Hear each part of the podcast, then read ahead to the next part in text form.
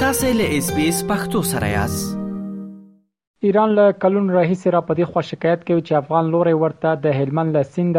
د دغه هیواد منل شوی حق وبنه ورکوي خو په افغانستان کې طالبانو واکمنېدو وروسته ایرانی چارواکو په دې اړه د کابل پر وړاندې له ګوتڅنډونو سره مل شکایتونه کړي همدا روانه اونۍ د ایران فارس خبري اژانس راپورټ ورکړ چې د دغه هیواد د بهرنیو چارو وزیر حسین امیر عبدالحیان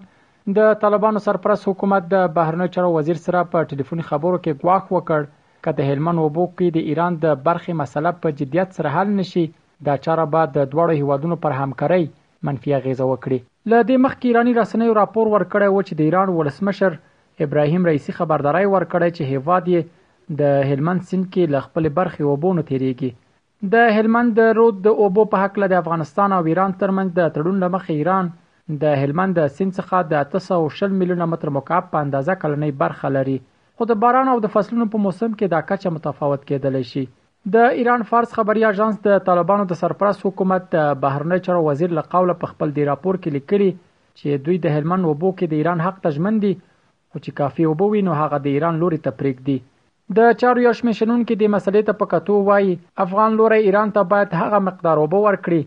کوم چې د یو زر او نهه سوه او درې اویا کال په هوکړه کې ذکر شوي دي. دوی ایس بي ایس راډیو سره په خبرو کې وویل، د ایران او افغانستان ترمنځ د یو زر او نهه سوه او درې اویا کال په هوکړه کې راغلي،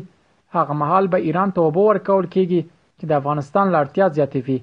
د چارو شنونکي زیاتوي چې د افغانستان ګاونډیو هیوادونو په تیره ایران ته پکار ده چې له افغانستان سره هر راز ډیپلوماټیک اړیکې د ملګرو ملتونو د منشور پر اساس وکړي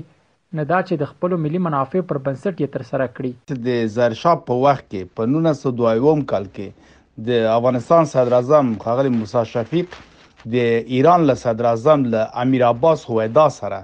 د اوبو په نړیوالو اصولو پر بنیاد باندې یو پریکړه وکړه په دې چې پریکړه وسه چې 22 متر مکعب اوبه به ایران ته ورکول کیږي چې ظاهر شاه بیا دغه څلور نور ورځیا کې د اوسنې ام جواری چې شپږ 20 متر مکعب وب په سانه کې باید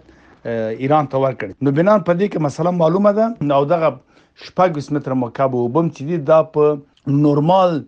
د اوبو کال کې د چې هغه اپ سان جیم ورته په دیارور د نیمروز کې خود سوه چې هر کال به تقریبا 15611 میلیارد اوبه تولید کې بیا دې ته نورمال وایي که نورمال نه بیا اوبه کم او زیات کېدلی شي بنا دلته د هر څه روښانه معلوم دي چې اوبه کمښت دي اوبه پوره نه ورکول کېږي چې نورمالي باید شپږ ویشت متر مکعب اوبه ایران ته ورکړل شي دلته کومه ستونزه موږ له ایران سره نه لرو دا چې ایران زیاتې اوبه غواړي زیاته یې کوي دا خلاف دی هغه پروتوکول ده چې موسی شفیق له امیر عباس وایدا سره لاسلیک کړی ده کوم قرارداد چې له دوی سره سوی ده په هغه اندازه چې معلومه ده په هغه اندازه دوی ته اوبه باید د افغانستان حکومت ورکړي ځکه دا د بین الدول قوانین دي او موږ له دوی سره تړون هم امضا کړی ده اضافه لغونه چې مقدار معلوم ده نو د دوی دغه څرګندونې دا په دې معنی چې دوی د افغانستان له خلکو او د افغانستان د اسلامي امارت سره دوستی نه غواړي همسایګي نه غواړي موږ یې لمنیو چې زموږ ګاونډیان هر څه د د بین الملل یا د ملګر ملتو د منشور په اساس لموږ سره وکړي نه دا چې خپل غوښتنې د خپلو ملي منافعو په بنسټ وکړي. همدا څه موده وړاندې د افغانستان د سرپرست حکومت د اوبو او برېښنا وزرت یو پلاوی د هلمند سیند پر اوبو د خبرو په پار ایران ته تللی و. دې پلاوي ایران ته له سفر وروسته رسنیو ته ویلي و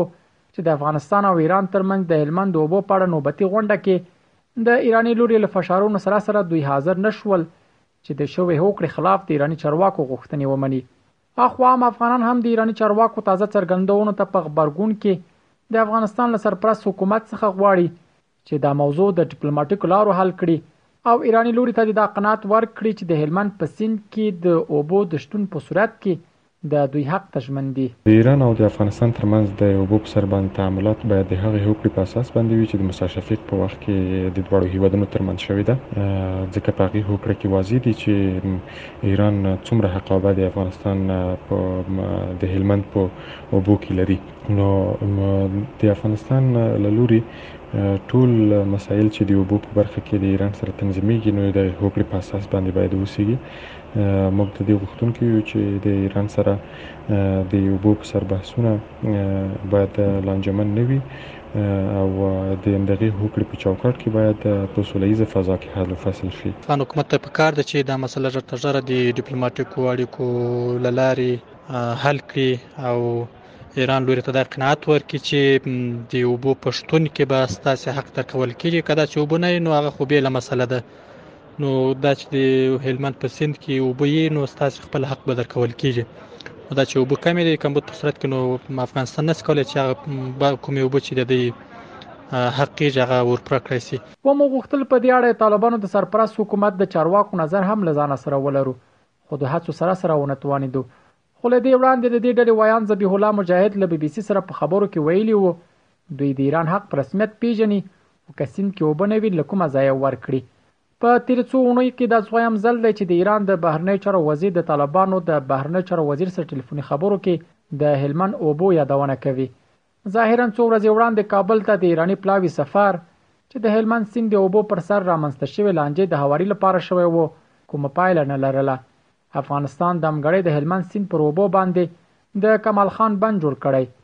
د افغانستان پخوانی ولسمشر محمد اشرف غنی